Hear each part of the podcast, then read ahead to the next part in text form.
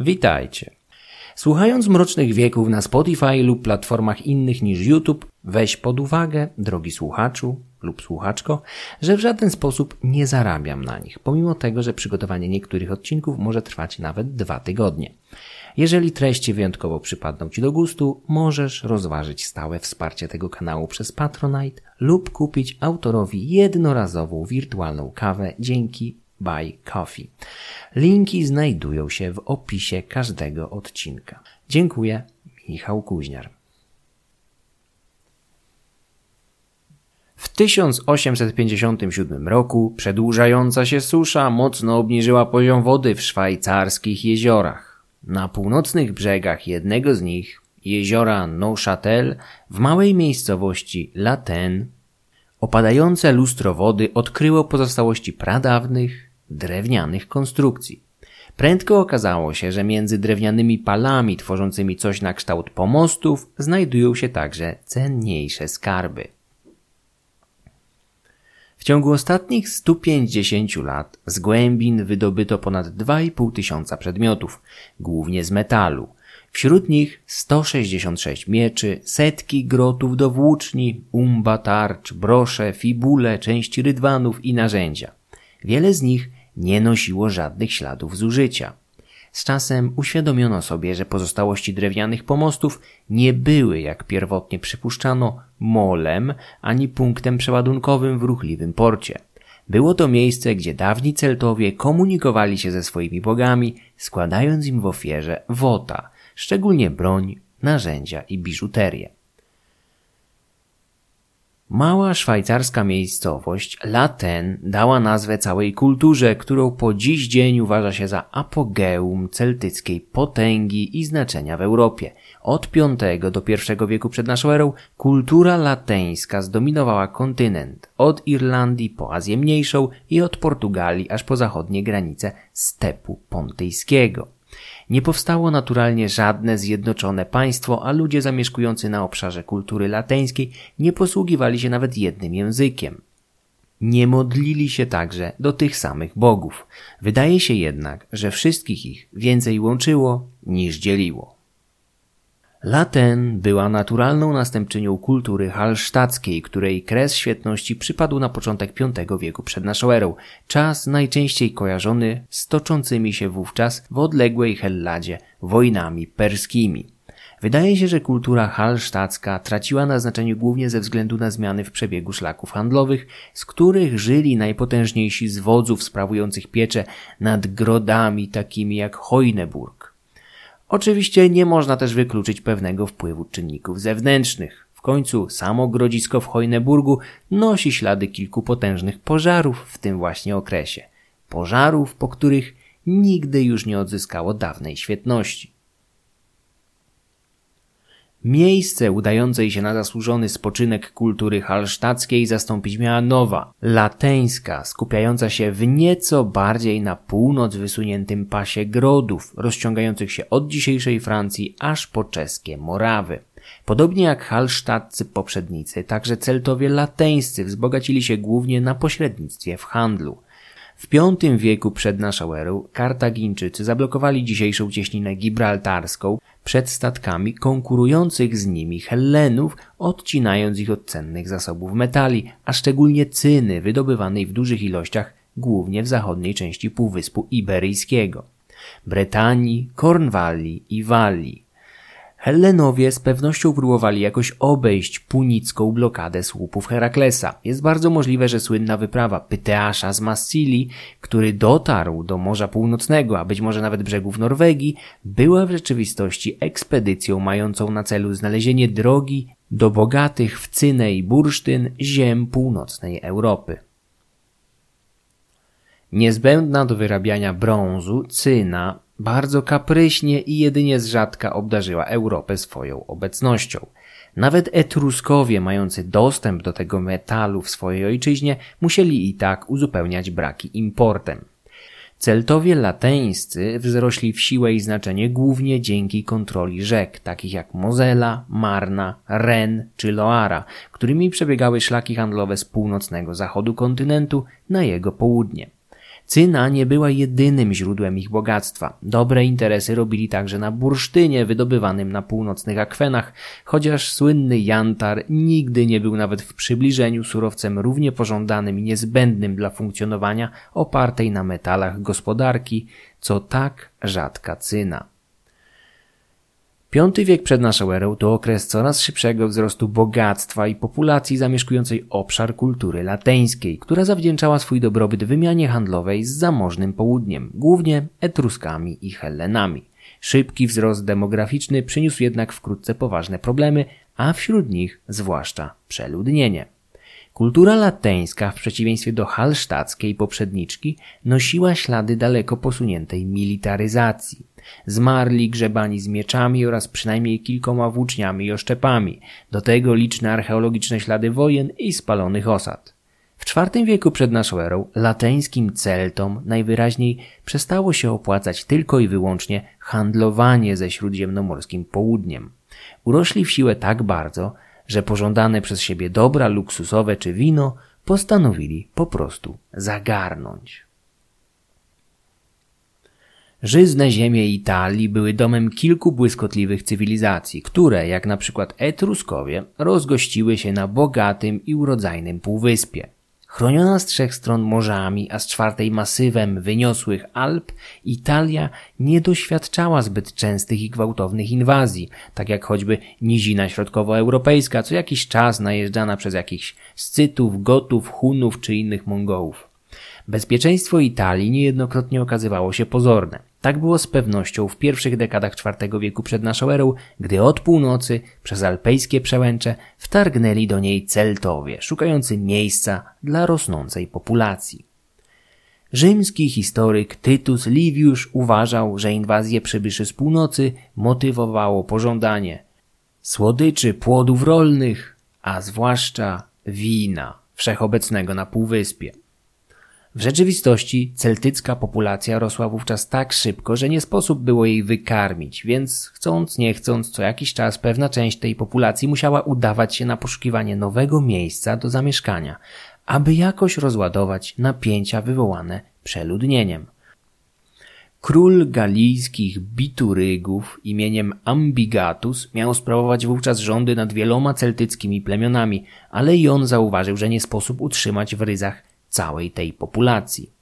Nakazał więc dwóm siostrzeńcom, Sego Wezusowi i Bello Wezusowi, zebrać silne drużyny pełne walecznych młodzieńców i na ich czele poszukać sobie nowych królestw. Wróżbici wskazali Sego Wezusowi las hercyński, pradawną dziką gęstwinę rozciągającą się niegdyś od Francji na zachodzie aż do Karpat na wschodzie. Bello Wezus z kolei otrzymał jako cel wędrówki Italię, posłuszny wyrokom bogów, ruszył na czele silnej watachy, w skład której weszli członkowie licznych plemion. Biturygów, Senonów, Arwernów, Heduów, Ambarów, Karnutów i Aulerków. Ekspedycja ruszyła więc z samego serca Galii, a w jej skład wchodziły tysiące zbrojnych piechurów i jeźdźców. Wojownicy Bellowezusa pokonali alpejskie przełęcze i wtargnęli do serca niziny padańskiej, żyznej doliny gęsto skolonizowanej przez Etrusków, znanych w starożytności także Tuskami lub Tyrrenami. Od pierwszego etnonimu wzięła się dzisiejsza Toskania, od drugiego zaś Morze Tyrreńskie. Celtowie z łatwością poradzili sobie z etruskimi hoplitami i już wkrótce zaczęli urządzać się nad Padem, przejmując miasta takie jak Bononia, dzisiaj znana nam jako Bolonia. Za pierwszą falą najeźdźców szły kolejne. Alpy przekraczali kolejno Cenomanowie, Bojowie i Lingonowie, ochoczo przepuszczani i wspierani przez swoich poprzedników. Dla lokalnych Etrusków i Umbrów celtycka inwazja była prawdziwą katastrofą. Kolejne miasta padały ofiarą nie tylko grabieży, ale i wysiedleń. W końcu rolnicy z Galii poszukiwali miejsca, gdzie będą mogli nie tylko kogoś złupić, ale także osiedlić się i zapuścić korzenie. Nie mieli dokąd wracać. Przeludniona Galia nie gwarantowała im niczego poza nędzą. Podobna sytuacja miała miejsce od wieków po drugiej stronie kontynentu, nad Morzem Egejskim, gdzie epoka żelaza upływała pod znakiem helleńskiej kolonizacji, motywowanej tymi samymi, co w przypadku Galów, problemami. Skalista Hellada nie była w stanie wyżywić kolejnych pokoleń i co jakiś czas miasta państwa ekwipowały i wysyłały w nieznane kolejne ekspedycje, złożone czasami z dobrowolnych, często zaś z przymusowych kolonistów. Dramatyczne okoliczności towarzyszące organizacji takich wypraw w przypadku Hellenów opisywał m.in. Herodot. Celtowie nie zostawili po sobie źródeł pisanych, ale czasami zastępowali ich w tym Rzymianie. Juliusz Cezar opisał eksodus Helwetów, potężnego celtyckiego plemienia zamieszkującego dzisiejszą zachodnią Szwajcarię nad jeziorem Genewskim. W 58 roku przed naszą erą członkowie tego plemienia razem z ochotnikami z kilku sąsiednich ludów w łącznej liczbie 368 tysięcy mężczyzn, kobiet i dzieci ruszyli na zachód w poszukiwaniu nowych siedzib zdolnych pomieścić rozrastającą się populację lepiej aniżeli skaliste alpejskie doliny. Dla dodatkowej motywacji Helweci spalili za sobą 12 miast, 400 wiosek, liczne gospodarstwa, a nawet zapasy, których nie byli w stanie zabrać ze sobą. Ich wyprawa skończyła się, jak wiemy, niepomyślnie. Na drodze stanęły im rzymskie legiony Cezara, który nie był specjalnie zainteresowany w swobodnym przepływie ludzi na taką skalę w rzymskiej sferze wpływów. Na Schengen było jeszcze za wcześnie. Nie wiemy, czy Celtowie udający się do Italii trzy wieki przed tragiczną wyprawą Helwetów również zostawiali za sobą spaloną ziemię. Raczej nie mieli takiej potrzeby, zwłaszcza, że w drogę udawała się jedynie część plemion, a nie całość, jak w przypadku przodków Szwajcarów. W Dolinie Padu wkrótce także zaczęło brakować ziemi dla nowych przybyszów, więc te z plemion, które nie zdążyły jeszcze osiedlić się na nowej ziemi, parły dalej na południe. Jednym z takich ludów było plemię Senonów, prowadzone na południe przez swojego wodza, Brennusa. Senonowie zatrzymali się na jakiś czas w okolicach dzisiejszego San Marino i Rimini, stąd dokonywali wypadów na sąsiednią Etrurię, gdzie weszli w konflikt z ważnym miastem Clusium. Etruskowie stawili czoła Celtom, ale prędko okazało się, że ustępują im pola w walce. Ludzie Brennusa zaś nie zamierzali ustępować. Ich oczy zdążyły już bowiem oszacować wartość tutejszych pól uprawnych. Żyzne ziemie w okolicach jeziora Trazymeńskiego, słynnego z późniejszej bitwy z Hannibalem, bardzo przypadły do gustu przybyszom z Galii. Mieszkańcy Clusium zaczęli w desperacji słać posłów do wszystkich zdolnych do pomocy bliższych lub dalszych sąsiadów, także do Rzymian. Rzym był wówczas państwem o dużym znaczeniu regionalnym, jedną z potęg środkowej Italii, zdolną do wystawienia około 20-tysięcznej armii. Rzymianie dominowali w Latium, a po niedawnym pokonaniu odwiecznych przeciwników z etruskich wejów, powoli rozszerzali swoją dominację nad Etrurią. Nie powinniśmy jednak przeceniać wartości bojowej ówczesnych legionów oraz siły samej Republiki. Do odniesienia największego z dotychczasowych sukcesów militarnych, jakim było pokonanie Wejów, Rzymianie potrzebowali aż 10 lat ciężkich walk, a same Weje leżały zaledwie 20 kilometrów na północ od miasta na siedmiu wzgórzach. Same rzymskie legiony walczyły wówczas w stylu bliższym greckiej falandze, chociaż nie jesteśmy tego stuprocentowo pewni. Wojownicy jednak z pewnością przypominali etruskich i helleńskich hoplitów. Rzymski senat przyjął posłów z Clusium, ale nie zgodził się wysłać wojska na pomoc Etruskom. Zamiast tego skierował na północ trzech dyplomatów. Ich zadaniem było wynegocjowanie z Senonami jakiegoś sensownego porozumienia, tak aby ocalić Clusium i wciągnąć je później do swojej strefy wpływów. Według Liviusza Rzymianie niespecjalnie popisali się w trakcie rozmów pokojowych, ale trudno się im dziwić. Brennus, zapytany jakim prawem stara się zagarnąć ziemię Etrusków, odparł rezolutnie, że on prawo dyktuje mieczem, a do dzielnych należy wszystko. Rozmowy skończyły się impasem, ale to samo w sobie nie było problemem. Rzymscy posłowie bowiem, zamiast wrócić prosto do miasta i zdać senatorom relacje z wyników misji, pozostali w Clusium i wzięli nawet czynny udział w późniejszej bitwie, jaką Etruskowie wydali Celtom. W trakcie walki jeden z Rzymian, który zabił jakiegoś Senona, został rozpoznany przez barbarzyńców. Tak przynajmniej twierdzi Liviusz, który prawdopodobnie mocno podkoloryzował przygody trzech dyplomatów w celach wychowawczych, tak aby zrzucić na nich większą część winy za katastrofę, jaka miała wkrótce spaść na barki Rzymian. Celtowie bowiem, gdy tylko rozpoznali posłów wśród walczących, wpadli we wściekłość, widząc tak jawne pogwałcenie stosunków międzynarodowych.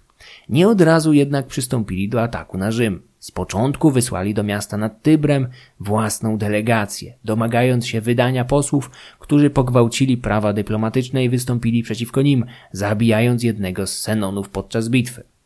Senatorzy oczywiście odmówili gościom zadośćuczynienia, a delikwentów obdarzyli nawet wyższymi godnościami. Tego ludzie Brennusa zdzierżyć nie mogli. Celtyckie zastępy odstąpiły od Clusium, kierując się na południe, prosto do Lacjum. Wieść o zbliżaniu się celtyckiej hordy prędko dotarła do Rzymian. Zarządzono więc prędką i według Liviusza rzekomo dość pobieżną mobilizację. Starożytni autorzy różnie oceniają liczebność sił rzymskich, wahając się od 20 do 40 tysięcy, gdzie ta pierwsza liczba brzmi bardziej wiarygodnie, szczególnie biorąc pod uwagę, że ówczesny Rzym nie był jeszcze tą metropolią, jaką znamy z czasów Augusta. Ustalenie liczebności sił Brennusa to z kolei kompletne widzimisię. Starożytni jak zawsze przeszacowywali armię Celtów i Germanów, z którymi zdarzało się im walczyć. Dzięki temu zwycięstwa były słodsze, a klęski znośniejsze.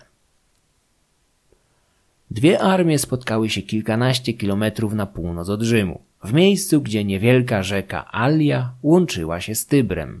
Był 18 lipca, aczkolwiek nie wiemy do końca jakiego roku. Widełki mieszczą się w przedziale 390-387 przed naszą erą. Możecie wybrać sobie dowolną z nich. Rzymianie podobno mieli trudności w przeciwstawieniu przeciwnikom równej linii własnych wojsk, co może wskazywać, że Celtów było nieco więcej. Cienka linia armii rzymskiej prędko złamała się pod naporem dziko szarżujących w jej kierunku barbarzyńców, ludzi, którzy budzili przerażenie samym swoim wyglądem. Pochodzenie greckiego terminu Keltii, jakim określił mieszkańców Galii Hekatajos z Miletu, do dzisiaj umyka staraniom językoznawców i specjalistów od etymologii. Włoska lingwistka Patricia de Bernardo Stempel wysunęła hipotezę, że termin ten ukuli Grecy, a miał on podkreślać ludzi wyjątkowo wysokich. Bezspornym faktem jest, że Celtowie, tak jak później Germanie, byli zazwyczaj o przynajmniej kilka centymetrów wyżsi od śródziemnomorskich sąsiadów. W końcu dieta oparta w dużej części na mięsie i na biale nie jest być może najbardziej pożądana z punktu widzenia klimatu czy nawet zdrowia, ale z punktu widzenia Celtów i Germanów stosowana systematycznie z pokolenia na pokolenie dawała po jakimś czasie przewagę we wzroście nad bardziej wegetariańskimi ludami śródziemnomorskimi. 10 centymetrów różnicy na polu walki nie robi dzisiaj większego znaczenia. W końcu jak mawiał Napoleon, wobec armat wszyscy są równi. Tym bardziej wobec dronów, karabinów maszynowych, czołgów czy rakiet balistycznych. Na starożytnym placu walki przeciwnikowi trzeba było jednak zazwyczaj spojrzeć prosto w oczy. A jeżeli oczy te znajdowały się 10 centymetrów nad twoimi, to już samo to mogło wywołać nieprzyjemne mrowienie. Olbrzymią rolę w zwycięstwie miała prosta, brutalna siła fizyczna, a w tej Celtowie niewątpliwie dominowali. Bitwa nad Alią zakończyła się kompletną klęską Rzymian, którzy prędko dali się złamać i przegnać z pola walki. Spora część walczących przeżyła i uciekła w kierunku Rzymu lub Wejów, co Liviusz, jak przystało człowiekowi nigdy nie biorącemu udziału w żadnej bitwie, komentuje wyjątkowo krytycznie. Wielu miało jednak utonąć podczas ucieczki w otaczających pole walki bagnach, co zapewne, jak zazwyczaj w takich przypadkach jest sporą przesadą. Coś jak legendarne stawy rybne pod Austerlitz, w kinie urastające do rozmiarów wielkich zbiorników wodnych, w których można nieopatrznie spotkać wieloryba albo nawet wrak Titanica.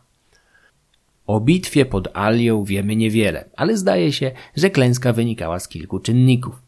Lepsze uzbrojenie i masywniejsze warunki fizyczne były jedną stroną medalu.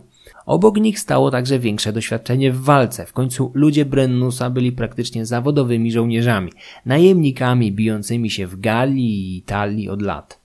Samą bitwę rozstrzygnąć mógł także pewien mały sukces taktyczny na samym jej początku, gdy na rozkaz Brennusa jego wojownicy szturmem zdobyli jakieś wzgórze pozwalające im zajść Rzymian od flanki.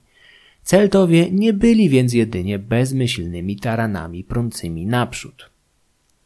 Po rozbiciu Rzymian nad Alią zostało im jednak tylko to. Marsz naprzód w kierunku praktycznie pozbawionego obrońców miasta. Już w dzień po masakrze Senonowie stanęli pod murami miasta, którego obrońców właśnie obrócili w perzynę. Nie spieszyli się jednak ze szturmowaniem bram, wietrząc z początku podstęp. Końcu, kto to widział zostawiać bramy otwarte, a mury nieobsadzone załogami? Prawda była jednak bardziej prozaiczna. Rzymianie na wieść o klęsce wpadli w panikę. Zdolni do noszenia broni, młodzi mężczyźni postanowili ufortyfikować się na najłatwiejszym do obrony wzgórzu na Kapitolu. Razem z nimi mogła ukryć się tam niewielka część ludności, głównie kobiet i dzieci.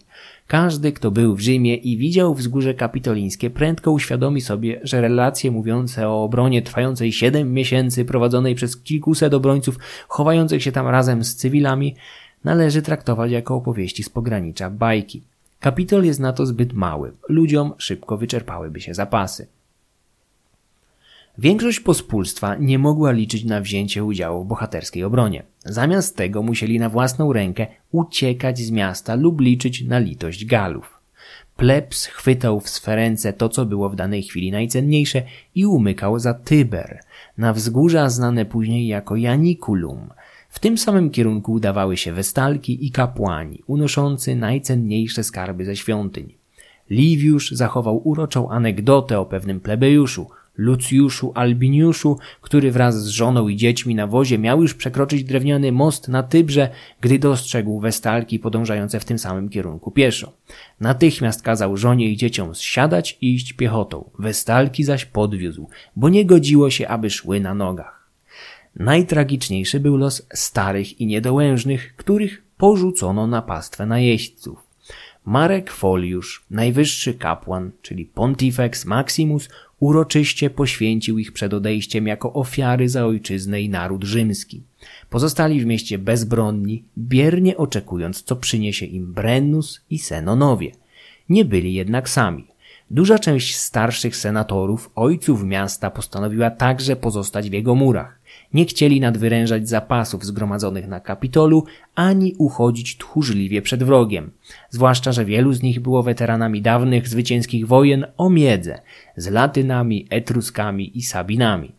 Liwiusz podsumowuje trudne wybory, przed jakimi stanęli starsi Rzymianie, razem z uzasadnieniem takiej, a nie innej decyzji. Cytuję.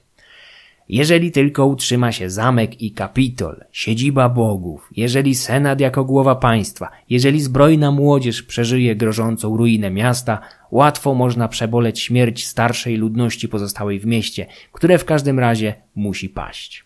Aby zaś tłum plebejski tym spokojniej zniósł ten los, Starcy, mający za sobą triumfy i konsulaty, oświadczyli, że zginą razem z ludem i skoro nie mogą już dźwigać zbroi ani bronić ojczyzny, nie będą ciężarem dla uzbrojonych wojowników w ich niedoli. Koniec cytatu. Dostojni senatorowie i starsi patrycjusze zasiedli w przedsionkach swoich willi, czekając na zwycięzców. Senonowie tymczasem wkroczyli do opuszczonego miasta bardzo powoli i ostrożnie, ciągle lękając się zasadzki. Prędko zorientowali się, że wyłącznie kapitol jest przygotowany na ich odparcie, reszta zaś miasta została wydana na ich łaskę. Brennus prędko zaczął szacować czas i środki potrzebne do zdobycia cytadeli w sercu zdobytego Rzymu, gdy znaczna część jego wojowników rozpełzła się po mieście, rabując, mordując, a gdzieniegdzie podkładając ogień. W pewnym momencie Celtowie doszli do domów patrycjuszowskich, ostentacyjnie otwartych na oścież. Zaczęli wchodzić do środka, a to, co działo się później, opisał Liwiusz. Cytuję.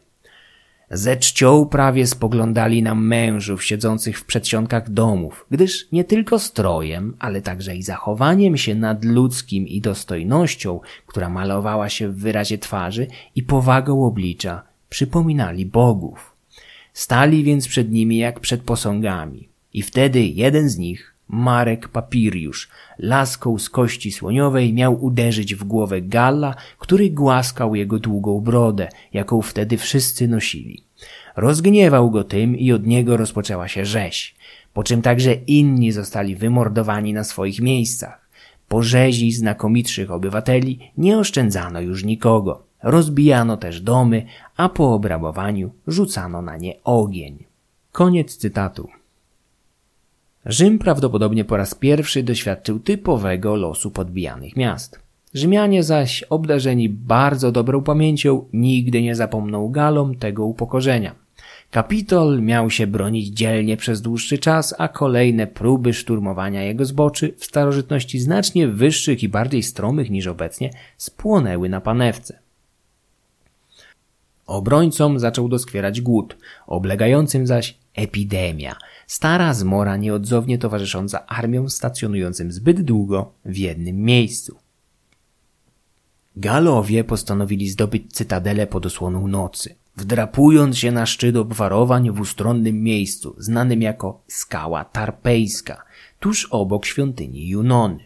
Ich plan niemal się powiódł, bowiem strażnik odpowiedzialny za tę część murów zasnął lub zwyczajnie zlekceważył swoje obowiązki, czego zresztą miał wkrótce pożałować. Galowie wspinali się więc w ciszy, jeden po drugim, po wałach, niezauważeni przez nikogo. Już byli w ogródku, już witali się z gąską, gdy wtem nizowąd spotkali gęsi. Święte ptaki poświęcone bogini Junonie jakimś cudem nie zostały jeszcze zjedzone przez wynędzniałych obrońców i teraz mogły odwdzięczyć się za ocalenie. Zaniepokojone widokiem pierwszego z galów, który właśnie wdrapywał się na blanki, gęsi rozdarły ciszę głośnym gęganiem, budząc niedbałych strażników i pozostałych obrońców. Pierwszy do napastników podbiegł jakiś członek rodu Manliuszów i pchnął pierwszego z galów tak mocno, że ten spadając pociągnął za sobą pozostałych towarzyszy. Kapitol ocalono. Zaspany wartownik, który omal nie przyczynił się do upadku cytadeli, został zaś strącony w przepaść ze skały tarpejskiej, której miał pilnować. Była to kara przeznaczona dla zdrajców. Gęsi, które uratowały Rzym, stały się z czasem motywem przewodnim licznych obrazów, ale jeszcze większą karierę zrobił inny, ostatni epizod oblężenia – Senonowie, zmęczeni oblężeniem, nawiązali rozmowy pokojowe z obrońcami Kapitolu, oferując wycofanie się w zamian za wysoki okup. Rzymianie, znikąd nie mogący spodziewać się pomocy, przystali na warunki najeźdźców. W umówionym miejscu i czasie ustawiono wagę. Celtowie przynieśli swoje odważniki, Rzymianie zaś pieniądze. Obrońcy prędko zorientowali się, że celtyckie odważniki były stanowczo zbyt ciężkie, wobec czego podnieśli sprzeciw. Obecny na miejscu Brennus z lekceważeniem podszedł wówczas do wagi, a następnie ostentacyjnie rzucił na szale swój ciężki żelazny miecz, wymawiając znamienne słowa Vae victis, biada zwyciężonym. Rzymianie już nie protestowali, tylko w ciszy dosypywali złota. Senonowie Brennusa wycofali się wkrótce z miasta i zapewne powrócili w swoje strony, czyli wówczas na północ Italii. Liviusz co prawda twierdzi, że w ostatniej chwili miastu przybyła na pomoc niespodziewana odsiecz, a galijskie siły zostały po drodze niemal w całości wybite, ale wygląda to tak samo źle jak wszystkie filmowe happy endy, najczęściej doklejone na siłę przez producentów wiedzących jak zbawienny wpływ mają one na odbiór dzieła i wyniki box office. Liwiusz pisał trochę jak Sienkiewicz, ku pokrzepieniu serc, do tego setki lat po omawianych wydarzeniach. Złupienie Rzymu jest jednak faktem potwierdzonym przez archeologów, którzy napotkali ślady po rozległych pożarach w sercu wiecznego miasta, pochodzące z początku IV wieku przed naszą erą. Dobre choćby i to. Późniejszy o 110 lat wielki najazd na Helladę nie pozostawił żadnych uchwytnych łopatą archeologa śladów. Na szczęście jest jednak pauzaniarz, z którym powędrujemy po Helladzie już wkrótce. Rzym ocalał najprawdopodobniej tylko dlatego, że Senonowie Brennusa nie zamierzali osiedlać się w Lacjum. Przybyli tutaj wyłącznie w celach rabunkowych. Po zdobyciu i obrabowaniu miasta powrócili do siebie z łupami. Niczym Brennus ze słynnego obrazu XIX-wiecznego francuskiego malarza Paula Jamina, tworzącego w nurcie znanym jako akademizm. Górną połowę obrazu widzicie w filmie na YouTube. Dumny niczym paw, galijski wódz z lateńskim mieczem w pochwie, przewieszonej obok prawego biodra. Jego głowę wieńczy zdobiony piórami hełm, a lewa stopa właśnie utkwiła w kałuży ciągle świeżej krwi, która powoli sączy się do pomieszczenia przez próg. Brennus stoi w drzwiach jednej z rzymskich świątyń lub willi, którą tymczasowo przystosowano na jaskinię kryjącą łupy wodza. Ściany komnaty zdobią freski typowe dla etrusków czy italików. Widzimy tam głównie eleganckich italskich mężczyzn relaksujących się podczas uczty. Drzwi komnaty przed wodzem uchyla usłużny podwładny, jeden z tych, którzy zdobyli Rzym. Dolna część obrazu, ta której nie zamieszczam na YouTube, ponieważ platforma nie lubi takich treści, przedstawia łupy Brennusa. Bardzo łatwo zresztą znaleźć ten obraz w internecie. Złote naczynia, cenne amfory, drogie tkaniny, dwie głowy odrąbane zapewne od korpusów powalonych w boju przeciwników. Poza tym pięć młodych, skrępowanych rzymskich branek, które malarz przedstawił w mniejszym lub większym stopniu na gości. Oto Brennus i jego łupy, chociaż gdybyśmy w miejsce wodza Senonów podstawili jakiegoś mongolskiego hana czy sowieckiego generała, to z dużą dozą prawdopodobieństwa moglibyśmy powiedzieć, że to XIII-wieczny Pekin lub Berlin w kwietniu 1945. Uniwersalny obraz wojny, jej następstw i zwycięzców. Rzymianie prędko oblizali rany, a odbudowę zdobytego przez Galów miasta rozpoczęli od wzniesienia potężnych murów serwiańskich. Ciągnące się przez 11 kilometrów, siedmiometrowe mury z tufu wulkanicznego zachowały się gdzieniegdzie do naszych czasów. Rozmach przedsięwzięcia najlepiej świadczy o lęku, jaki wywarli w mieście nad Tybrem Senonowie Brennusa. Na budowie murów się jednak nie skończyło. Celtowie nie zniknęli bowiem z Italii. Cały czas stanowili zagrożenie dla Rzymian. Ci zaś oswoili się z tym drapieżnym przeciwnikiem i z czasem nauczyli się nawet z nim wygrywać. Niecałe trzy dekady od zdobycia Rzymu, w 361 roku przed naszą erą, kilka kilometrów od miasta znowu pojawiła się jakaś galijska horda. Siły obu stron spotkały się nad niewielką rzeką Anio, gdzie prędko zaczęto toczyć wyrównane walki o pewien most. Zmagania nie przyniosły z początku rozstrzygnięcia. W końcu jednak pewien Gal wielkich rozmiarów wystąpił przed swoje szeregi i wyzwał najdzielniejszego z Rzymian na pojedynek. Gdy nikt nie odważył się z nim walczyć, Olbrzym miał zacząć robić sobie niewybredne drwiny z oponentów. Wtedy Gala postanowił uciszyć młody Titus Manliusz. W końcu to jeden z jego przodków trzy dekady wcześniej zepchnął Galów ze skały tarpejskiej. Młody Tytus wierzył więc, że jemu uda się w jakiś sposób przyczynić do ocalenia ojczyzny. Rzymianin był znacznie mniejszy i lżej uzbrojony ale dzięki zręczności i technice zdołał wykorzystać moment, gdy jego przeciwnik uniósł tarczę do góry. Tytus błyskawicznie wskoczył między tarczę a ciało Gala i zadał potężnemu, lecz ociężałemu przeciwnikowi dwa ciosy w brzuch i pachwinę. Okazały się śmiertelne. Ku zaskoczeniu obu stron, niczym w biblijnym pojedynku Dawida z Goliatem, Manliusz powalił Gala, a następnie zdjął mu z szyi zakrwawiony celtycki naszyjnik, Torkwes, i założył go na swoją szyję.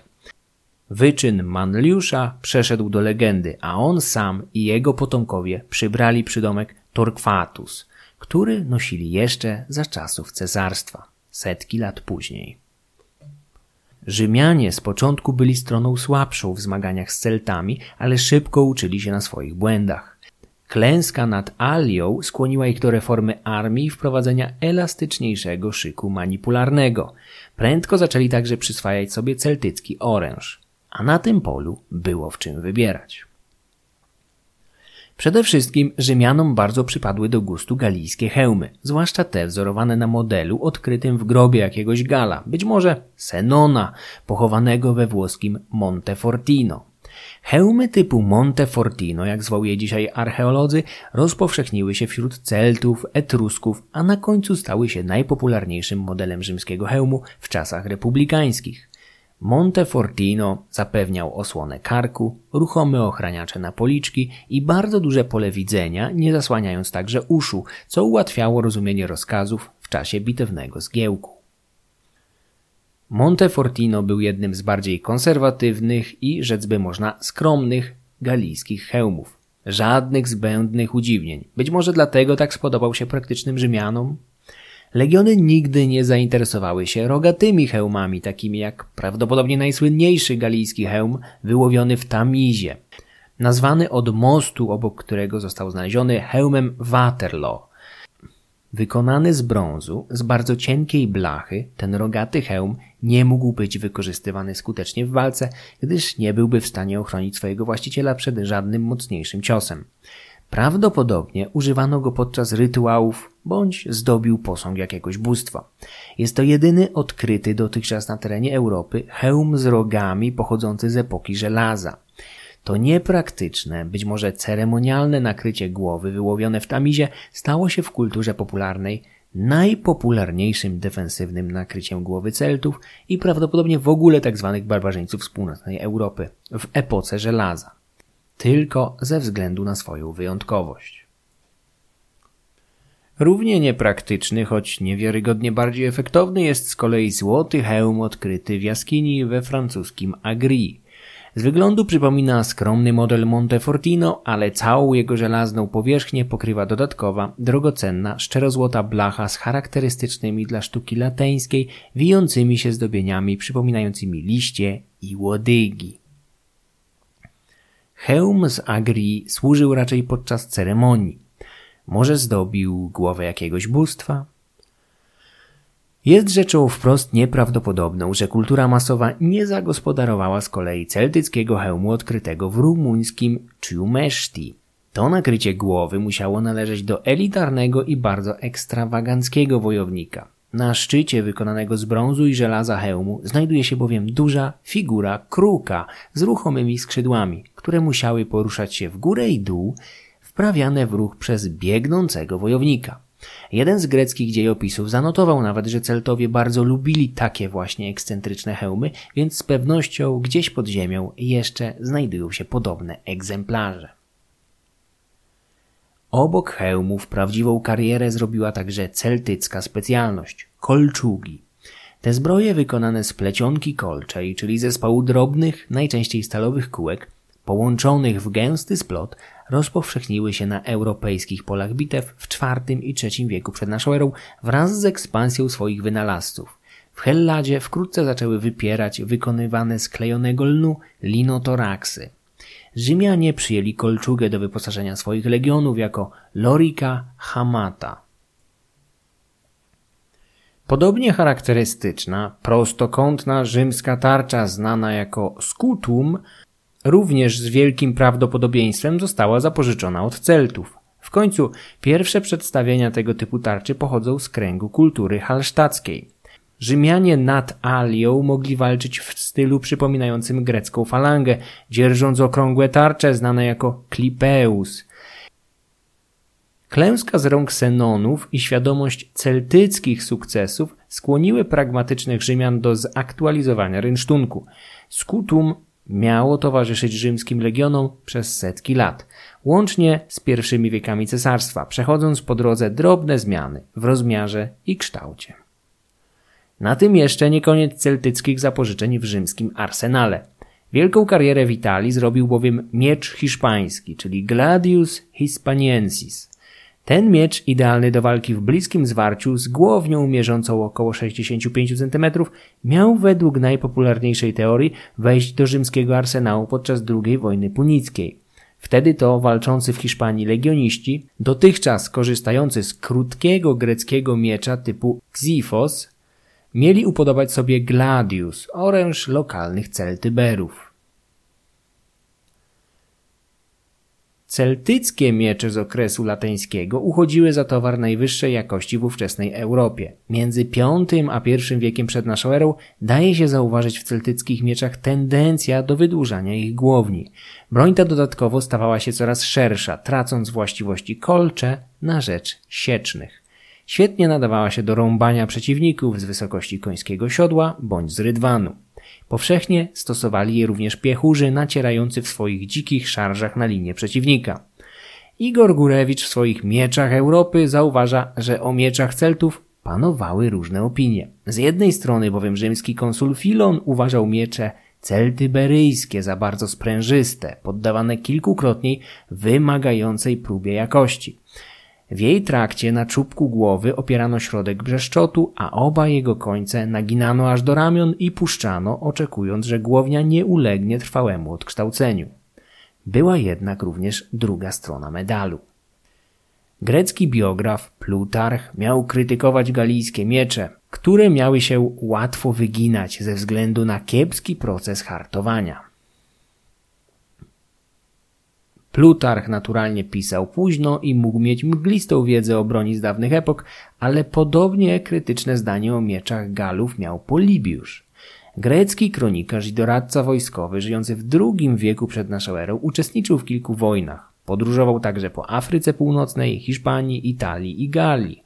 Jego zdaniem miecze Celtów efektywne były wyłącznie w pierwszym uderzeniu, potem zaś łatwo się tępiły i wyginały. W efekcie celtycki wojownik musiał w trakcie walki niejednokrotnie prostować wygiętą głownię swojego miecza, co jak nie trudno się domyślić, dawało jego wrogom czas na zabójczą reakcję. Brytyjski archeolog Barry Cunliffe sugeruje, że Polibiusz mógł być może widzieć powyginane celtyckie miecze złożone w darach wotywnych do jezior lub grobów i stąd wyciągnąć swoje wnioski. Celtowie faktycznie wierzyli, że w mieczu zawiera się dusza wojownika i dlatego niejednokrotnie niszczono go podczas pogrzebu jego właściciela. Wydaje mi się to jednak niezbyt przekonujące, właśnie ze względu na duże praktyczne doświadczenie Polibiusza. W końcu był to człowiek, który oprócz ogromu czasu spędzonego za biurkiem widział na własne oczy upadek Kartaginy, a zbierając materiały do pracy o Hannibalu miał przejść osobiście alpejskie przełęcze trasą przypisywaną kartagińskiemu generałowi. Polibiusz swoje w życiu widział i raczej odróżniał zniszczony miecz wotywny od tego wygiętego w prawdziwej walce, którą nieraz oglądał na własne oczy. Innym wytłumaczeniem może być po prostu nierówna jakość produktów wypuszczanych na rynek przez poszczególnych celtyckich kowali, korzystających z ród gorszej jakości bądź zwyczajnie nie posiadających wybitnych umiejętności. Głownie celtyckich mieczy otaczała jeszcze jedna dość ponura legenda. Według Pliniusza miały być one hartowane w krwi młodzieńców, co wbrew pozorom wcale nie musi być jedynie bajką. Symboliczne dodawanie krwi, np. jeńców wojennych do procesu produkcji mieczy nie musiało być wcale niczym zaskakującym w społeczeństwie znanym z praktyk składania ludzi w ofierze. Rytualne składanie ofiar z ludzi przez Celtów znajduje potwierdzenie tak w źródłach pisanych ręką kronikarzy, jak i tych bardziej namacalnych, wykopanych łopatą archeologa. Celtowie powszechnie kojarzą się z nagimi, wytatuowanymi barbarzyńcami rzucającymi się bezmyślnie na przeciwników. W kontekście opancerzenia jednak sytuacja ulegała zmianie na przestrzeni wieków. Barry Cunliffe zauważa, że od V do III stulecia przed naszą erą średnia ilość opancerzenia towarzyszącego celtyckim wojom wzrosła pięciokrotnie, co wnioskuje na podstawie ilości rynsztunku odkrywanego w ich grobach. Celtowie, owszem, walczyli czasem nago lub częściej półnago, ale nie gardzili także kolczugami czy innymi rodzajami pancerzy. Ich niebagatelny wkład w rozwój wojskowości rzymskiej bardzo mocno podkreślał wspomniany wcześniej Polibiusz.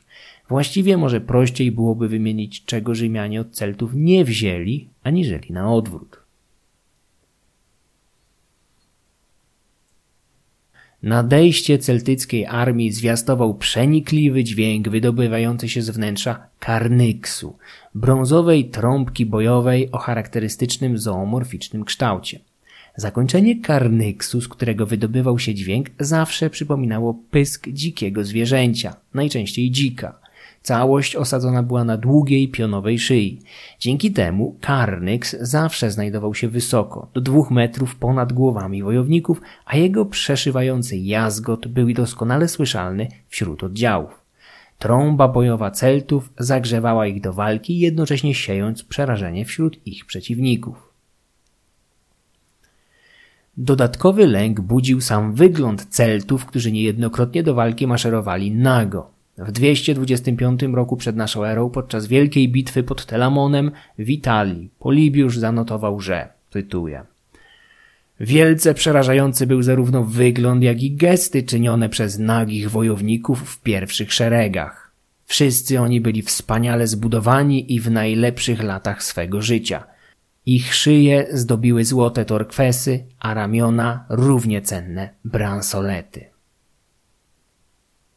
Bitwa pod Telamonem była spektakularną klęską Celtów, definitywnie kończącą ich starania o dominację w Italii. Jednocześnie było to ostatnie większe starcie na kontynencie europejskim, w którym odnotowano udział rydwanów bojowych. Później Rzymianie z tą zdecydowanie przestarzałą bronią spotykali się już tylko na Wyspach Brytyjskich i w Azji Mniejszej. Nagość podczas walki potwierdza także późniejsza relacja ze 189 roku przed naszą erą, Wtedy, podczas walk w Azji Mniejszej, Galaci mieli tuż przed starciem obnażyć swoje białe, niewystawiane normalnie na słońce ciała i ruszyć z impetem na legionistów. Nagość podczas walki zazwyczaj dotyczyła tylko niektórych jednostek, takich jak oddział najemników pod Telamonem, którzy mogli w ten sposób podkreślać swoją elitarność i ekskluzywność swojej formacji. Celtyckie ciała niejednokrotnie zdobiły barwne tatuaże, zapewne podobne do zoomorficznego lub naśladującego łodygi i listowie wzornictwa spotykanego na rynsztunku czy biżuterii. Malowanie ciał było szczególnie popularne wśród Brytów, wykorzystujących do tego roślinę znaną jako Isatis tinctoria, albo po naszemu urzet barwierski. Z liści urzetu uzyskiwano dużą ilość niebieskiego barwnika, indygo, którym smarowano ciała wojowników, o czym wspominał m.in. Cezar. Dla mieszkańców regionu śródziemnomorskiego egzotyczne musiały się wydawać gęste, sumiaste, celtyckie wąsy, aczkolwiek trzeba przyznać, że nie każdy celt nosił się tak samo. Wąsy miały być w późnym okresie lateńskim szczególnie charakterystyczne dla członków elity, ale pozostali celtowie nieraz zapuszczali brody lub golili zarost. Charakterystyczne były jednak ich włosy. Jeszcze za czasów Cezara część Galii nieskolonizowaną przez Rzymian określano terminem Gallia comata, czyli Galia długowłosa, podkreślając galijskie upodobanie do noszenia długich włosów, nieraz spiętych w kok. Diodor Sycylijski pisał, że przed większymi starciami Galowie obficie przemywali włosy wodą wapienną, czyli mieszanką tlenku wapnia i wody. Płyn ten tymczasowo barwił ich fryzury na kolor blond, umożliwiając również dowolne formowanie włosów w różne, czasem bardzo ekscentryczne formy. Bardzo często spotykano fryzurę na tak zwanego jeża, doskonale widoczną choćby na rzymskiej serii monet, których emisję wypuszczono dla uczczenia triumfu Cezara nad Galami podczas wojny galijskiej. Monety te zawierają być może najwiarygodniejszą podobiznę Vercingetoryksa, znacznie realistyczniejszą nawet od mocno stylizowanych monet z jego profilem opuszczających przez jakiś czas mennice plemienia Arwernów. Na awersie jednego egzemplarza, bardzo realistycznej rzymskiej monety z 48 roku przed naszą erą, widzimy profil dorosłego mężczyzny. Z kozią brudką, wąsami, zarostem na policzkach i charakterystycznie ufryzowanymi włosami przypominającymi kolce jeża. Tego samego jego mościa, półnagiego i spętanego, spotykamy na rewersie innej monety, siedzącego ze spuszczoną głową pod rzymskim trofeum. Jego charakterystyczne, nasączone wodą wapienną włosy są wówczas nawet jeszcze bardziej widoczne. Kolejną cechą charakterystyczną Galów, Celtów, Galatów było zamiłowanie do noszenia długich spodni. Ten element garderoby wzbudzał wyjątkowo długo niechęć wśród ludów śródziemnomorskich, traktujących spodnie jako niegodne mężczyzny. Jeszcze w czasach Cezara Galia długowłosa była także czasami dla odmiany określana terminem Galia bracata, czyli Galia spodniowa, dla odróżnienia od Galia togata, czyli części południowej, w której noszono już rzymskie togi. Celtyckie spodnie, brakka, przetrwały zresztą do dzisiaj w języku angielskim w słowie breeches albo w naszych bryczesach. Ostatnim, być może najbardziej przerażającym elementem celtyckiego wyposażenia były trofea wojenne, a konkretnie głowy pokonanych przeciwników. Czaszki zabitych wrogów zdobiły wnętrza galijskich domów niczym poroża łosi lub jeleni niektóre z naszych salonów.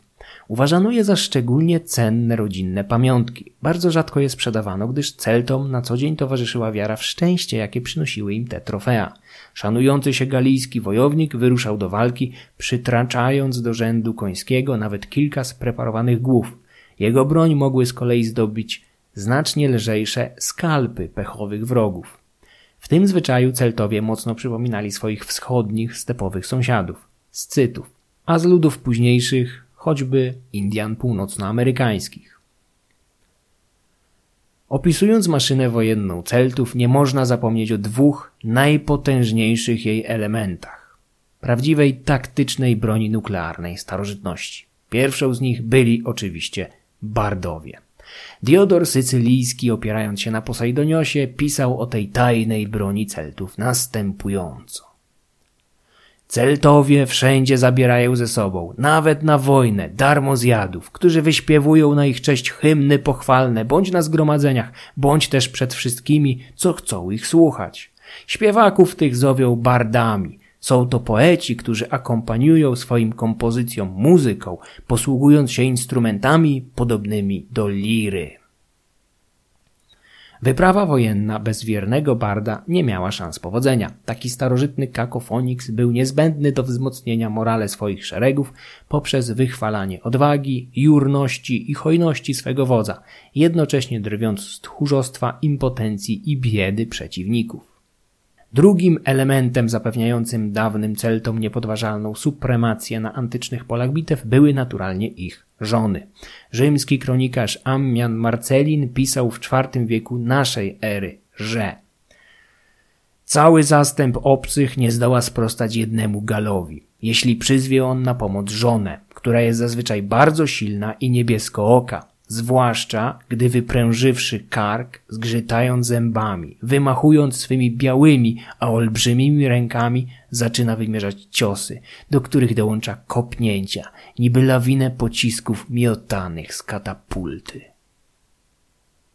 Strach się bać.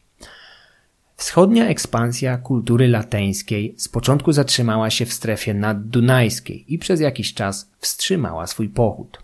Na Bałkanach swoje apogeum przeżywała bowiem inna potęga Macedonia.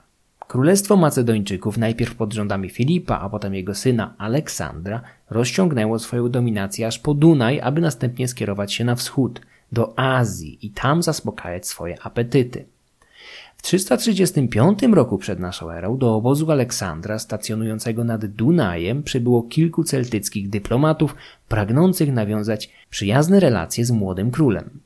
Aleksander miał zapytać się gości, czego w życiu lękają się najbardziej, licząc, że usłyszy oczywiście swoje imię. Celtowie odrzekli ku jego zaskoczeniu, że najbardziej lękają się, aby niebo nie spadło im na głowę. Taka fantastyczna wizja musiała mieć jakiś związek z ich wyobrażeniami o końcu świata. Prędko jednak dodali, że niczego na świecie nie pragną tak bardzo, jak przyjaźni z władcą tak szczęśliwym jak młody Macedończyk. To nie było ostatnie spotkanie Aleksandra z przedstawicielami tego ludu. Podczas kampanii perskiej w jego siłach zaczęły służyć pierwsze kontyngenty celtyckich najemników.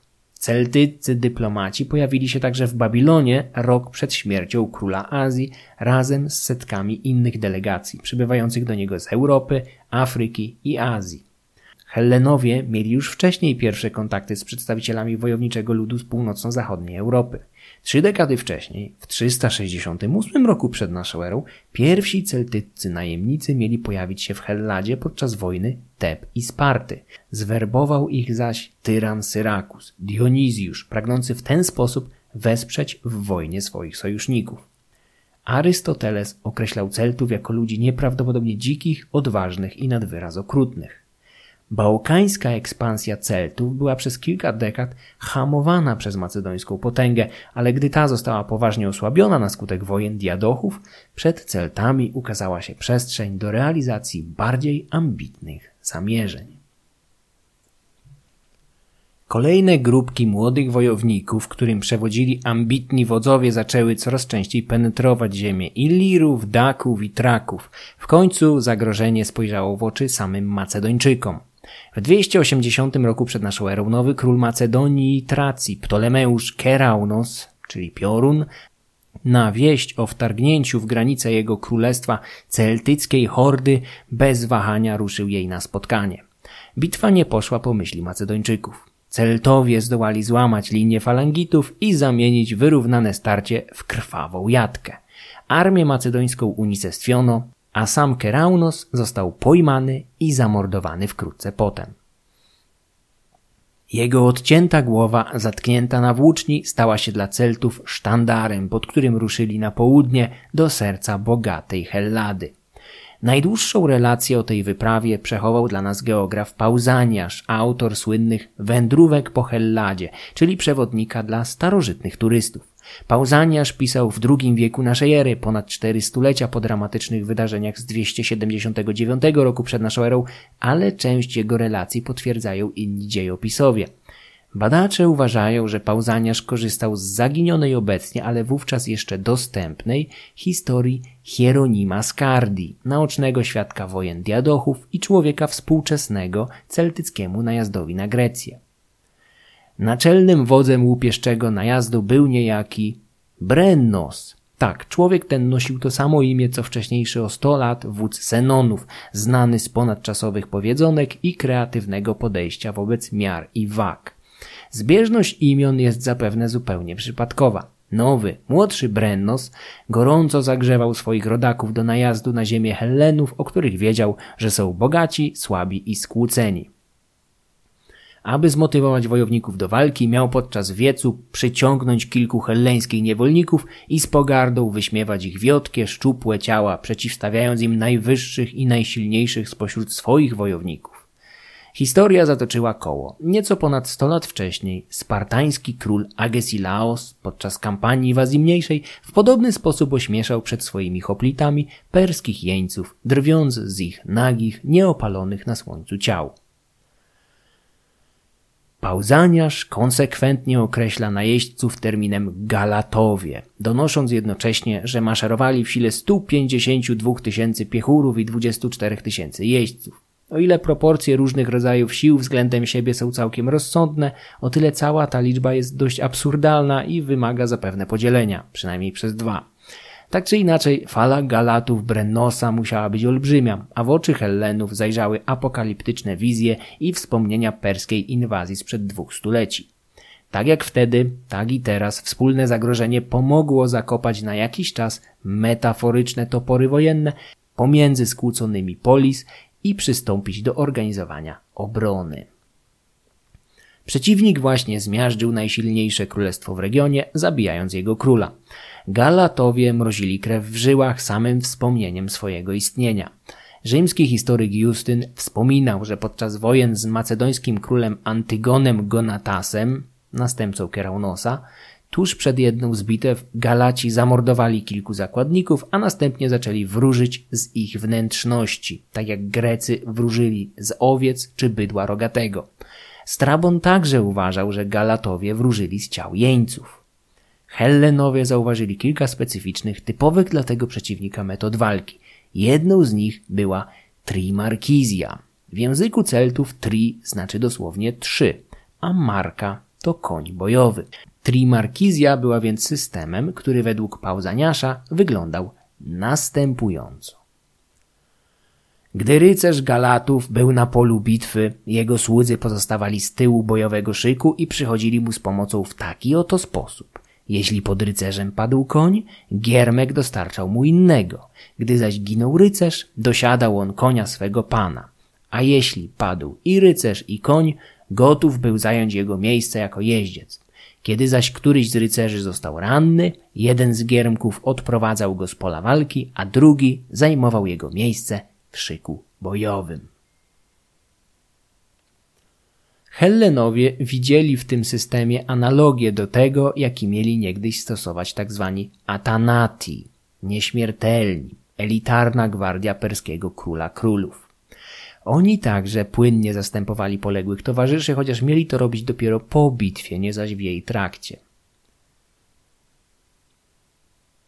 Hellenowie, patrząc na postępy Galatów i pasmo zniszczeń, jakie zostawiali za sobą, Prędko pojęli, że porównywanie tego najazdu do perskiej inwazji nie ma sensu. Dariusz i Xerxes domagali się uznania ich władzy. W zamian za symboliczne ofiarowanie ziemi i wody oszczędzali miasta i ludzi, zadowalając się jedynie daniną i podległością. Galaci zaś szli przed siebie jak niszczycielska burza, zainteresowana jedynie niekontrolowanym rabunkiem. Tak samo jak przed dwoma stuleciami obronę postanowiono zorganizować w wąwozie termopilskim, który mógł zatrzymać masę napastników przez jakiś czas. Galaci pomaszerowali przez Tesalię, a wkrótce pokonali nawet rzekę Spercheios, ostatnią poważną przeszkodę przed wtargnięciem do Lokrydy, w której leżały termopile. Brennos wybrał do przeprawy przez bagna w rozlewisku Spercheiosu najwyższych spośród swoich ludzi, tak, że niektórzy z nich nie musieli nawet umieć pływać. Gdy Grecy zorientowali się, że Galaci są już na ich brzegu, wycofali się do Termopil. Galaci zaś zagonili lokalnych greckich rolników do przymusowej naprawy mostu przez rzekę, zerwanego wcześniej przez ich rodaków. Grecy pracowali szybko i starannie, z jednej strony lękając się Brennosa, a z drugiej pragnąc jak najszybciej pozbyć się jego ludzi ze swoich ziem. Po przejściu rzeki Galatowie grabili kraj i zabijali ludzi spotkanych na polach. Mieli jednak wyraźny problem ze zdobywaniem nawet mniejszych miast. Sztuka oblężnicza nie była najmocniejszą z ich stron. Dowiedziawszy się o greckiej armii stacjonującej w Termopilach, Brennos nakazał natychmiastowy marsz w kierunku gorących wrót, gdzie wkrótce rozgorzała jedna z kilku starożytnych bitew o ten strategicznie istotny wąwóz. Galatowie według Pauzaniasza w porywie gniewu rzucali się bezmyślnie na nieprzyjaciela jak dzikie zwierzęta. Nawet ugodzeni siekierą lub mieczem, dopóki starczyło im tchu, nie tracili swej zapalczywości. Przeszyci oszczepem lub strzałą, dopóki żyli, nie tracili ducha. Niektórzy wyrywali z krwawiących ran oszczepy, którymi ich ugodzono, ciskając nimi w Hellenów lub używając ich do walki wręcz.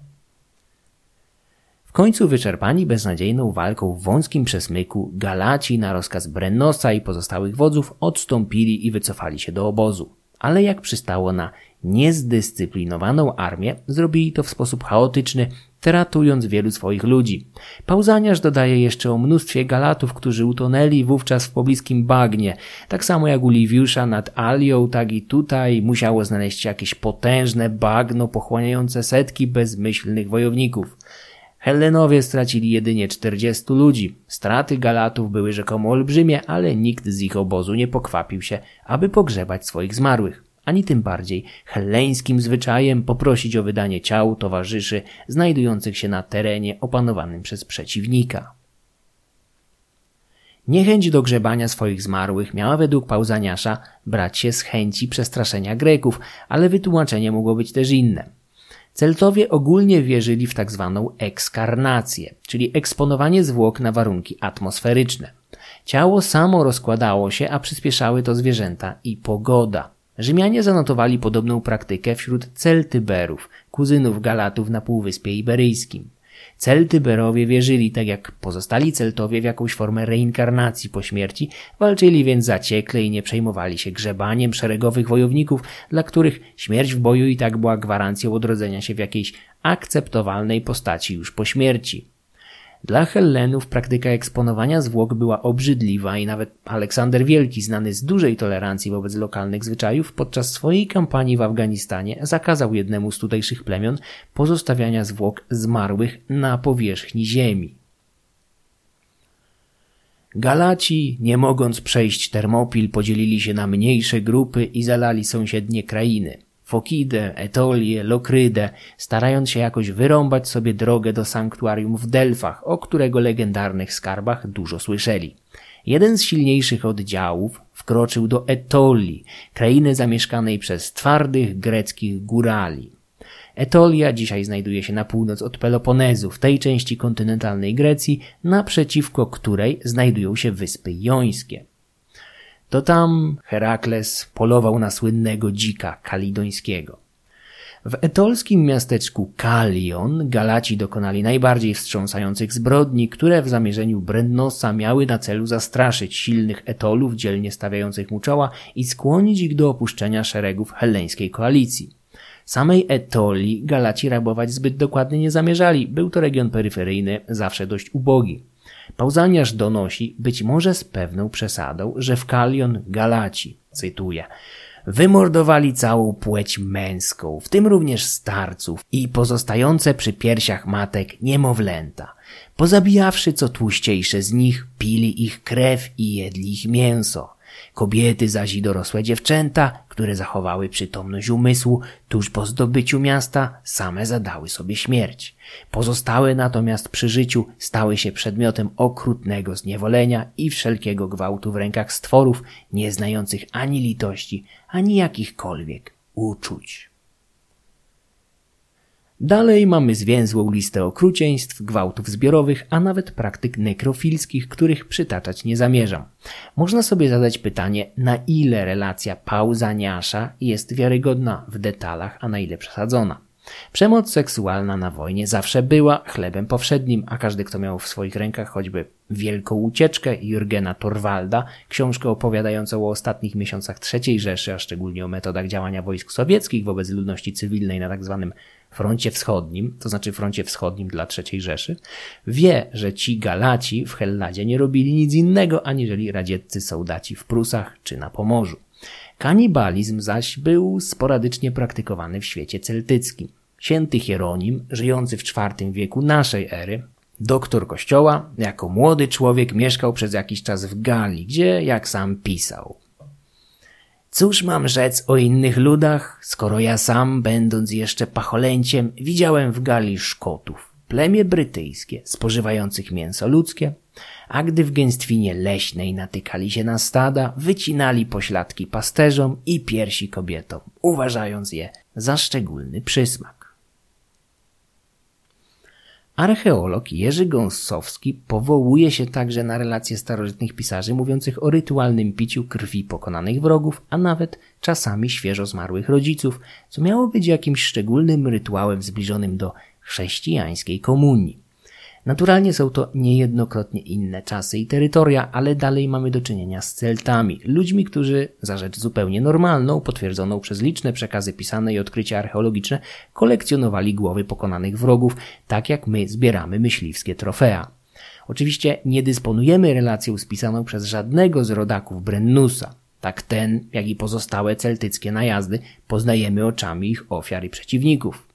Być może gdyby jakiś naczelny celtycki druid spisał relację z inwazji na Helladę, dowiedzielibyśmy się z niej, że była to interwencja pokojowa, zupełnie uzasadniona, gdyż to ci bezczelni Hellenowie zbyt głośno szczekali pod drzwiami celtyckich opidów i dzieci Brennusa spać nie mogły.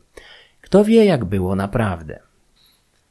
Masakra w Kalion dała efekt odwrotny od zamierzonego. Etolowie, co prawda, opuścili sojuszników i Termopile, ruszyli jednak na celtycką bandę rządni zemsty. Po ich stronie błyskawicznie opowiedziały się pozostałe miasteczka i wioski Związku Etolskiego. Nim Galatowie zdążyli się obejrzeć, mieli już na swoich plecach tysiące lekko zbrojnych, hardych górali, którzy wcale niewiele różnili się od nich samych w kwestii wytrzymałości na trudy, odwagi w walce czy okrucieństwa wobec jeńców. Galackie kontyngenty w Etolii wkrótce ugrzęzły w niekończących się walkach podjazdowych i zasadzkach. Etolowie szczególnie upodobali sobie polowanie na celtyckie tabory i zabijanie woźniców. Po pewnym czasie najeźdźcy kompletnie stracili wszystkie swoje wozy. Brennos tymczasem ciągle tkwił pod termopilami z główną częścią sił, ale jego opóźnienie miało wkrótce dobiec końca. Jacyś lokalni helleńscy pasterze, ludzie z pobliskiej Heraklei, zdradzili wodzowi Galatów istnienie górskiej ścieżki. Tej samej, którą dwa stulecia wcześniej zdradliwy Efialtes poprowadził Persów na tyły Leonidasa. Ludzie ci zrobili to, ponieważ za wszelką cenę chcieli pozbyć się Galatów ze swojej ziemi. Los innych Helenów był dla nich w tym momencie drugorzędny. Pauzaniarz w tym momencie przywołuje słowa poety Pindara. Każdy dręczy się własnym nieszczęściem, a nie boleje nad cudzym. Obrońcy Termopil zostali w porę poinformowani o niebezpieczeństwie i prędko opuścili swoje pozycje w wąwozie. Brennos zaś już maszerował na Delfy, nie czekając nawet na powrót sił wysłanych do Etoli. Bóg Apollon tymczasem miał ustami wyroczni uspokoić swoich wiernych, radząc im, aby wyzbyli się lęku, ponieważ on sam ocali swoje dobro. Wierni postanowili jednak nieco pomóc bóstwu i zaczęli gromadzić się w sanktuarium z bronią w ręku. Brennus zaś, zapytany czy nie obawia się gniewu bogów, których sanktuarium zamierza złupić, odrzekł rezolutnie, tak jak ten inny Brennus sto lat wcześniej, że skoro bogowie są tacy bogaci, to powinni się sami podzielić swoimi skarbami z biednymi ludźmi. Atak na Delfy, największą świętość helleńskiego świata, nie poszedł jednak zgodnie z planem Galatów. Ich postępy z jednej strony utrudniali nieliczni, lecz bardzo zawzięci obrońcy, a z drugiej bogowie. Pauzaniarz donosi, że cały teren zajęty przez armię Galatów tego dnia nawiedziły potężne i powtarzające się trzęsienia ziemi. Jakby tego było mało, na głowy świętokradców spadać zaczęły grzmoty i błyskawice. Wśród piorunów i strug deszczu lejących się z nieba nie jeden wojownik Brennusa mógł w tym momencie zastanowić się, czy aby właśnie nie dzieje się to najgorsze? Czy aby niebo za chwilę nie runie na ich głowy? Jakby tego było mało, na niebie pojawić się mieli czterej lokalni herosi, którzy najprawdopodobniej zignorowali fakt swojej śmierci i z zapałem włączyli się w obronę sanktuarium. Potem przyszedł jeszcze mróz, śnieg i lawiny sunące ze szczytów Parnasu. Zarówno Pauzaniarz, jak Justyn, czyli obaj historycy piszący o ataku na Delfy, podkreślają, że Galaci zostali odparci dzięki nieustępliwości obrońców i drobnej pomocy ze strony natury. Sanktuarium Apollona było ostatnim punktem na trasie wyprawy Galatów, którzy dopiero teraz zorientowali się w jak trudnym znaleźli się położeniu. Oddział wysłany do Etoli został zdziesiątkowany. Szturm na Delfy nie powiódł się, a Hellenowie rośli w siły, uniesieni sukcesami. Ciężko ranny Brennus zarządził odwrót, który pochłonął kolejne ofiary w jego szeregach. Ze wszystkich stron nękanych przez greckich górali. Sam wódz miał wziąć klęskę na swoje barki w starym, dobrym stylu. Upił się nierozcieńczonym winem, a następnie rzucił na własny miecz. Na tym jednak celtycka epopeja w tej części świata jeszcze nie dobiegła końca.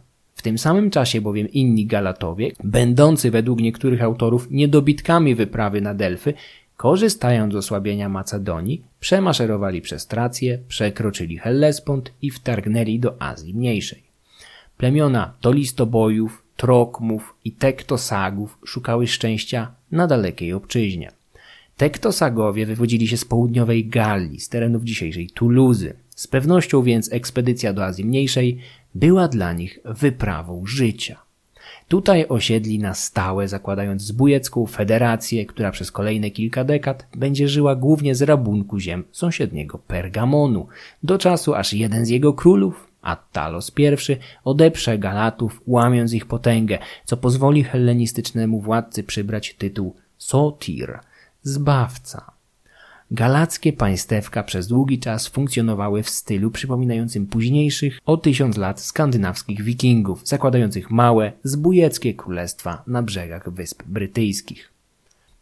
Galaccy najemnicy zrobili całkiem sporą karierę na dworach hellenistycznych monarchów. Spora ich grupa służyła na przykład u Ptolemeusza II Filadelfosa, syna tego Ptolemeusza, który towarzyszył temu Aleksandrowi w tej wyprawie do Indii i z powrotem. Kilkutysięczny kontyngent galackich najemników przysparzał Filadelfosowi tyle samo pożytku, co zgryzot. Wojownicy ci uchodzili bowiem za trudnych do opanowania i nieprzewidywalnych w swoich zachowaniach.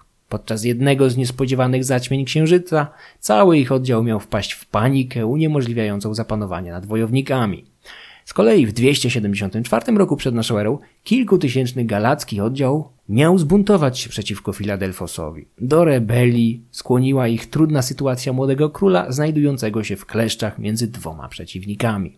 Galaci błędnie ocenili sytuację i nie doszacowali talenty Filadelfosa, który opanował zamieszanie, a buntownikom nie okazał żadnej litości. Cztery tysiące z nich wyparto na jakąś bezludną wyspę nad Nilem, gdzie otoczeni szczelnym kordonem wyginęli z głodu i od własnych mieczy. Ekspansja lateńskich Celtów była fenomenem, który przez trzy stulecia trząsł posadami kontynentu europejskiego. Wraz z nimi rozpowszechniała się ich kultura, religia, narzędzia i broń. Najdalej na wschód wysunięte przedmioty sugerujące obecność Celtów odkrywa się aż na stepie pontyjskim, w dzisiejszej Ukrainie, aczkolwiek są to znaleziska sporadyczne i rozproszone. Nie muszą więc sugerować obecności zwartych, celtyckich społeczeństw. Póki co za celtyckie kresy uchodzą ziemie Polski, Słowacji, Rumunii i Mołdawii. O innych peryferyjnych celtyckich społeczeństwach może będę jeszcze w stanie opowiedzieć w przyszłości. Treść przygotował i przeczytał Michał Kuźniar. Jeżeli spodobał się Wam ten odcinek, możecie rozważyć dobrowolne wsparcie podcastu Mroczne Wieki cyklicznie poprzez Patronite lub jednorazowo w postaci wirtualnej kawy na Buy Coffee. Linki znajdują się w opisie odcinka. Serdecznie dziękuję wszystkim patronom, a szczególnie Rafałowi, Krzysztofowi, Maksymilianowi, Jarosławowi, dwóm Tomaszom i obu Oskarom. Filmy będące ekranizacją audycji można oglądać i komentować na YouTube, do czego wszystkich serdecznie zachęcam. Wszystkie wykorzystane źródła znajdziecie w opisie odcinka oraz na końcu filmu.